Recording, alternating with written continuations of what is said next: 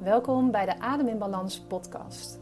Ik ben Marleen Bontekoe en in deze podcast deel ik al mijn kennis en ervaring over gezond en ongezond ademen, stress, ontspanning en vertragen. Veel luisterplezier. In deze podcast vertel ik over gezond en goed ademen, maar hoe weet je nou of je verkeerd ademt of niet? Dat bespreek ik in deze nieuwe aflevering van de Adem in Balans podcast. Leuk dat je weer luistert.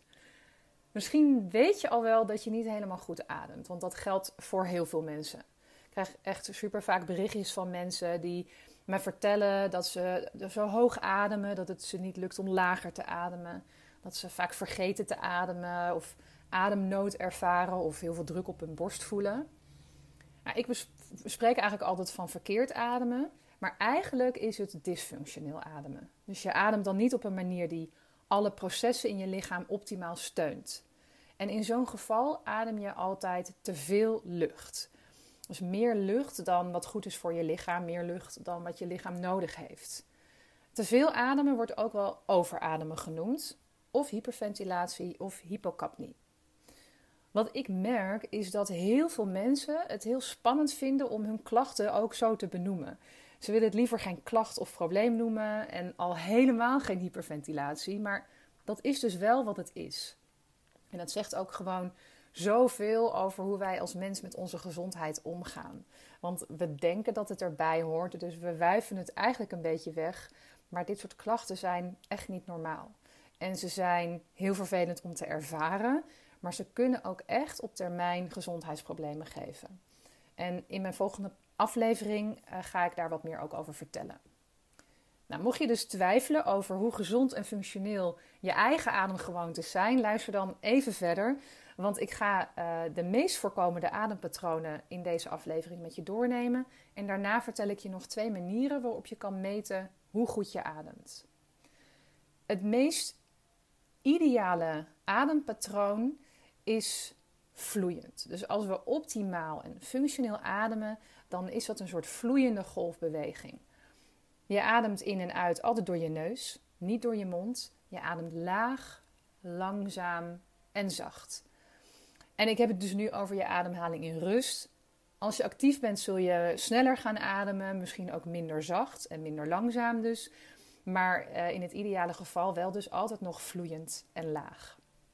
Als je op deze manier ademt, dan kunnen alle systemen in je lichaam eigenlijk optimaal functioneren. En nou, dat heeft dus heel veel gezondheidsvoordelen.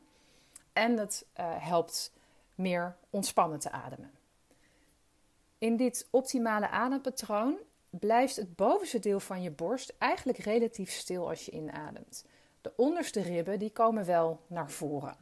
En als je goed voelt, dan voel je misschien ook de zijkanten van je ribben en misschien zelfs de achterkant. Dus op je rug voel je dat een beetje uitzetten. Het wordt vaak een buikademhaling genoemd, omdat je buik ook uitzet als je inademt. Maar eigenlijk is het de werking van het middenrif.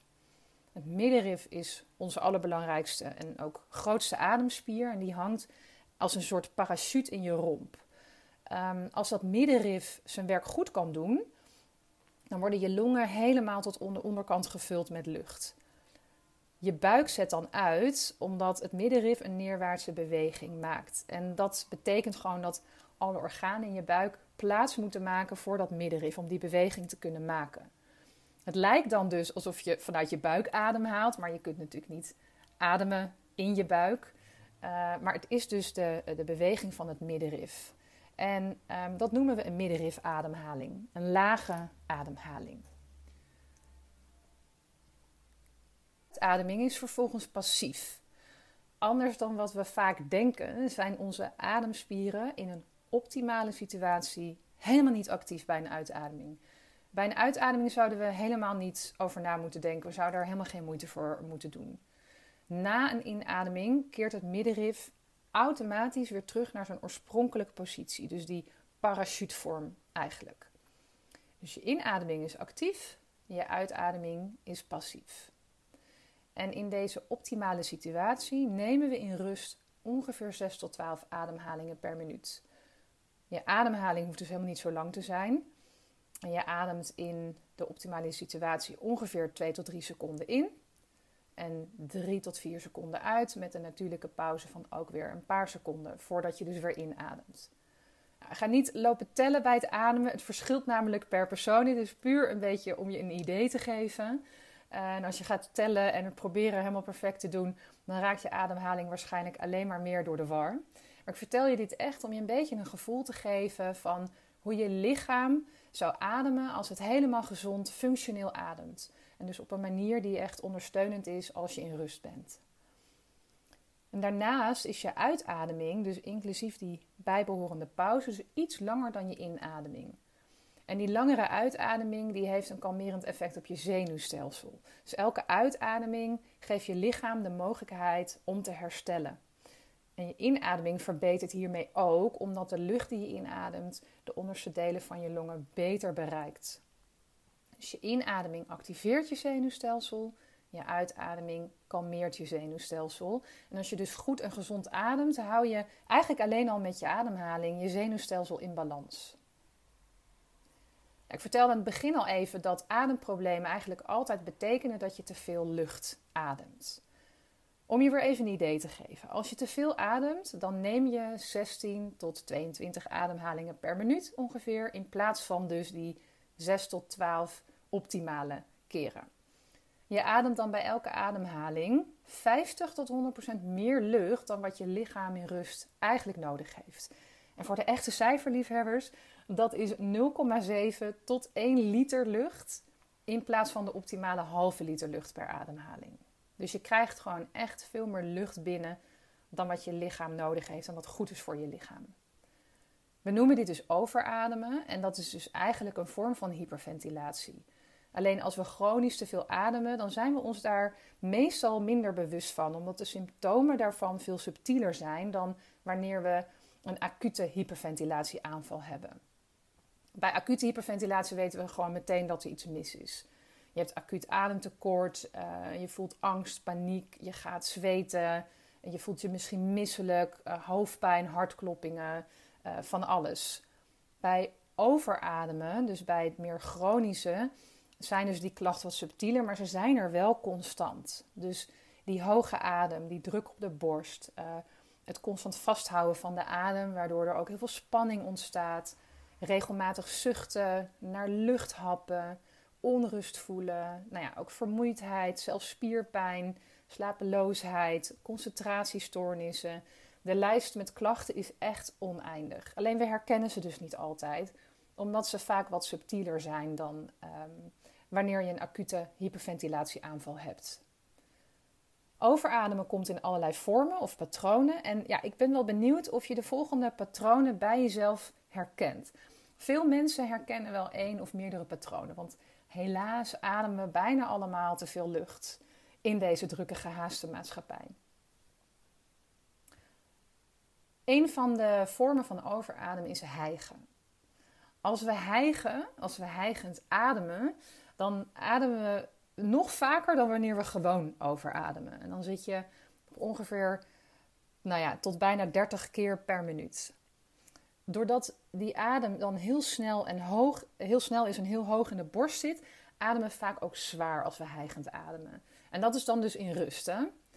Je herkent het misschien wel bij jezelf, of misschien ken je wel iemand, of heb je wel naast iemand gezeten die hijgend ademen. Er zijn dus mensen die in rust ook hijgend ademen. Zo erg ademen ze eigenlijk over. En dat is dan dus een snelle, zware en hoorbare ademhaling. Hijgend ademen wordt vaak ook door de mond gedaan. En wanneer we dus door onze mond ademen, duwen we vaak die kin iets naar voren en een beetje naar boven om de luchtwegen open te houden. En daarmee activeren we allerlei spieren in de bovenkant van de borst en in de nek en in de schouders. Dus als je dit regelmatig doet, zul je ook vaak een stijve nek en schouders hebben. En uiteindelijk ook een permanente slechte houding ontwikkelen. Een andere vorm van overademen is de borstademhaling. En dit is het soort adempatroon waarbij je het gevoel kan hebben dat je eigenlijk helemaal niet ademt. En dit is de paradox, want bij een borstademhaling adem je oppervlakkig, maar je ademt nog steeds te veel. Bij een borstademhaling neem je namelijk te veel korte, ondiepe ademhalingen per minuut hoog in de borst. Ons lichaam is super slim. Als ergens iets niet naar behoren werkt, dan gaat het ergens anders compenseren. Dit wordt ook wel homeostase genoemd. En dat is heel fijn, want zo blijven we functioneren. Alleen ons lichaam kijkt daarbij helaas niet echt naar kwaliteit.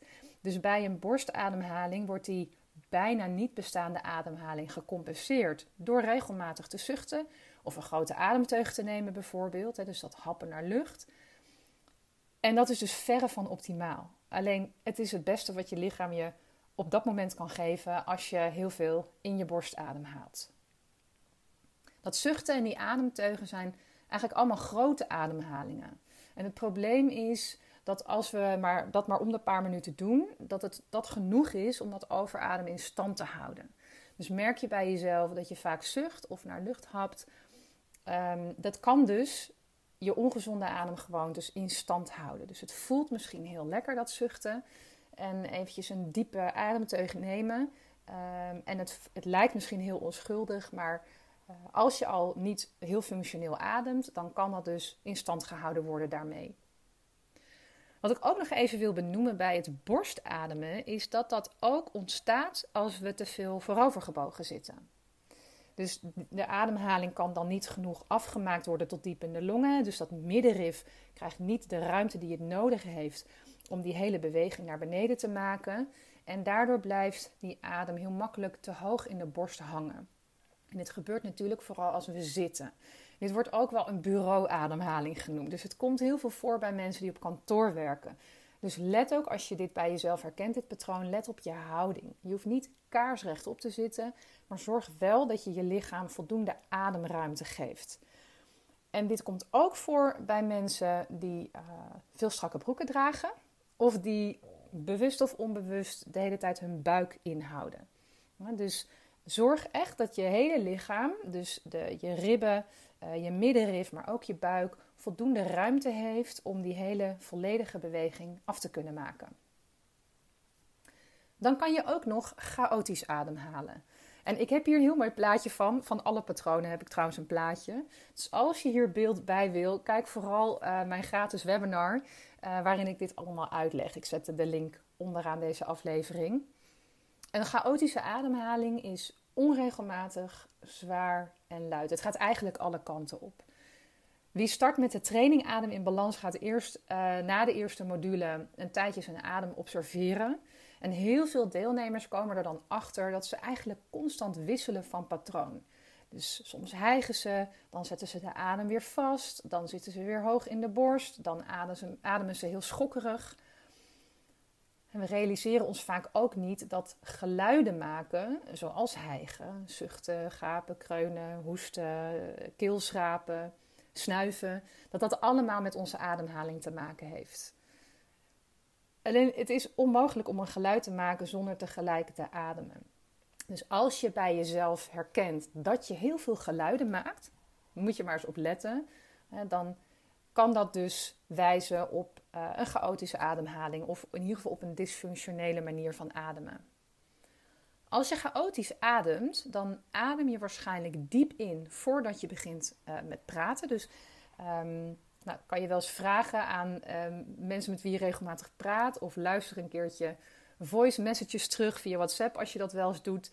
Dan kan je mooi je eigen manier van praten observeren als je hoort dat je een diepe ademteug neemt voordat je een zin begint, dan wijst dat dus op een eh, chaotische ademhaling. Of wanneer je bijvoorbeeld regelmatig naar lucht snakt of heel snel praat. Als laatste wil ik nog even de periodieke ademhaling benoemen. Die is al een paar keer voorbij gekomen. Heel veel mensen houden namelijk hun ademhaling vast. En dat is wat er gebeurt bij een periodieke ademhaling. Meestal wanneer je heel geconcentreerd bent, vaak ook bij spanning of stress. Je vergeet dan als het ware uit te ademen. Dus je ademt in en haal je adem vast. En het probleem is hier eigenlijk weer die homeostase. Dus die adempauzes die worden afgewisseld met intervallen van hele grote snelle ademhalingen, waarmee je lichaam die pauzes probeert te compenseren. En ondanks dat je zelf misschien het gevoel hebt dat je adem vastzit of dat je helemaal niet ademt, adem je bij een periodiek adempatroon dus eigenlijk alsnog meer dan goed voor je is. Nou, mijn docent Anders Olsen van de Conscious Breathing, die noemt dit ook wel concentratieapneu. Dus het is een soort ademstop eigenlijk. Dit waren de meest voorkomende adempatronen. Misschien herkennen je er dus wel één of meer bij jezelf. Uh, de meeste mensen herkennen er wel een paar. En of je nou wel of niet wil toegeven dat je ademklachten, ademproblemen of hyperventilatie hebt, als je je erin herkent, dan adem je dus dysfunctioneel. En als je daar niks aan doet, dan kan dat uh, op termijn eigenlijk alleen maar erger worden. Want je leert je lichaam als het ware dat dit normaal is. En dan wordt het steeds moeilijker om uh, weer terug te gaan naar een gezond natuurlijk adempatroon. Er wordt mij ook vaak gevraagd hoe je kunt meten dat je verkeerd ademt. Als je met training gaat doen, dan krijg je aan het begin een lijst waarin je de mate van je klachten gaat scoren. En dat vind ik het meest effectief eigenlijk, want je kan van alles meten. Maar uiteindelijk gaat het erom hoe jij je voelt. En als je je adem gaat trainen, dan verandert er eigenlijk van alles. Soms heb je dat niet altijd direct door. Dus die lijst is eigenlijk een geweldige manier om een soort voormeting te doen. Je kan een tussenmeting doen en sowieso ook een nameting, zodat je kan kijken welke ademgerelateerde klachten er zijn afgenomen voor jou doordat je je adem bent gaan uh, trainen. Er zijn nog een paar andere manieren om te meten. Een van die manieren is het tellen van je ademhalingen per minuut. Ik zei al dat je in rust eigenlijk ongeveer 6 tot 12 keer adem wil halen per minuut. Dat is wel een beetje afhankelijk van het moment en je gemoedstoestand. En wat hier lastig aan is, is dat je al snel je ademhaling gaat beïnvloeden zodra je erop let. Dus, um, maar het, het, kan een manier zijn, sowieso ook, om eens te weten waar je eigenlijk staat. Uh, de beste manier is gewoon om even je timer te zetten op je telefoon, bijvoorbeeld. Um, zodra je hem aanzet, begin je met tellen. Eén ademhaling is in en weer uit. En dan wil je natuurlijk proberen je ademhaling zo min mogelijk te manipuleren op dat moment. Je adempatroon op dat moment gewoon zo natuurlijk mogelijk te laten verlopen. En dan is dus te tellen op hoeveel je komt na een minuut. Je kan het ook een halve minuut doen en dan keer twee. Nou, als je dus heel ver boven die, uh, die 12 zit, dan betekent dat dus eigenlijk dat je te veel lucht ademt. Wat je ook kunt doen is je control pause meten. Dit is een methode die komt vanuit de Buteyko-methode. En wat je hier eigenlijk doet is je meet de gevoeligheid van je lichaam voor koolstofdioxide. dus op je inademing haalt je lichaam zuurstof uit, je, uit de lucht. Op je uitademing uh, adem je koolstofdioxide uit. Maar koolstofdioxide is essentieel voor je lichaam om zuurstof te kunnen opnemen. Als je overademt, dan verlies je eigenlijk te veel koolstofdioxide. Wat er dan weer voor zorgt dat zuurstof niet goed opgenomen kan worden. Als, je, als dat eventjes gebeurt, is dat niet zo erg. Maar als je dat lang genoeg, maar lang genoeg doet, dan wordt je lichaam steeds een beetje gevoeliger voor koolstofdioxide. En daardoor kom je dan in een soort negatieve spiraal uh, terecht. Koolstofdioxide is dus eigenlijk een betere graadmeter om te bepalen hoe goed, hoe functioneel je ademt, uh, dan zuurstof. Nou, met die control pass, en die control wordt ook wel de BOLT score genoemd. BOLT staat dan voor Body Oxygen Level Test. En die, die meetmethode, daarmee meet je hoe snel er adembehoefte bestaat als je na je uitademing je adem pauzeert. Het gaat er dus niet om hoe lang je je adem kan vasthouden, maar om hoeveel seconden het duurt voordat je lichaam de eerste subtiele signalen geeft dat het weer behoefte heeft om in te ademen. En die signalen die zijn per persoon verschillend. Maar het kan zijn uh, bijvoorbeeld de behoefte om te willen slikken. Het kan ook het, het, het uh, onvrijwillig samentrekken van je luchtpijp zijn. Het samentrekken van je middenrif. Uh, dat er dingen gebeuren in je neus. Dat heb ik altijd. Een soort van samentrek ook. letterlijk de behoefte om te ademen. Nou, die control pose is een hele mooie methode, maar ook wel een beetje een lastige. Want er is soms wel wat oefening voor nodig om te voelen op wat voor manier jouw lichaam die eerste adembehoefte aangeeft. Ik zei al, ik voel het dus bijvoorbeeld heel erg in mijn neus. Uh, maar dat kan dus uh, voor jou heel anders zijn. Dus soms heb je eventjes een paar keer nodig om te voelen hoe, je, hoe dat voor jouw lijf werkt. En daarnaast ehm, eh, heb je ook nog je brein, die eigenlijk zodra je adem vasthoudt in paniek raakt. Want adem is natuurlijk gewoon zo ontzettend belangrijk, of, of zuurstof is zo ontzettend belangrijk voor je lichaam. Dat je brein al heel snel denkt: ademen, adem door. Ehm, dus daar, ja, daar moet je een beetje. Um, dat, het kost soms even tijd om aan te wennen hoe die oefening of hoe deze meetmethode voor jou werkt. Nou, wat je dus doet, is dat je het aantal seconden telt voordat je lichaam een signaal geeft. En volgens de methode, uh, Buteco-methode, adem je dysfunctioneel als die signalen ontstaan onder de 25 seconden. Dus als jij je adem pauzeert na je uitademing en je krijgt binnen de 25 seconden adembehoefte, dan adem je dus eigenlijk dysfunctioneel. Dan is er werk aan de winkel. Als die signalen pas ontstaan na 25 seconden, dan adem je functioneel. Dan hoef je niks te doen. Dan kun je stoppen met luisteren naar deze podcast. Als je deze methode wil gebruiken, ga niet een wedstrijdje doen met jezelf. Het is geen competitie. Het is echt gewoon een manier om te meten hoe jij er op dat moment voor staat. En op het moment dat je je adem gaat trainen, dan zou die, dat, dat aantal seconden zou dan ook moeten gaan stijgen. Dank je wel weer voor het luisteren. In de volgende aflevering ga ik dieper in op de impact die verkeerd ademen op je gezondheid heeft. Ik vind het heel erg leuk om van je te horen, dus stuur me gerust een mailtje op info@studio-balans als je vragen hebt, opmerkingen of als je gewoon graag even wil laten weten wat je van deze podcast vond. En kijk vooral dus dat gratis webinar als je meer wil weten. Uh, de link staat hieronder in de aflevering. En uh, tot de volgende keer.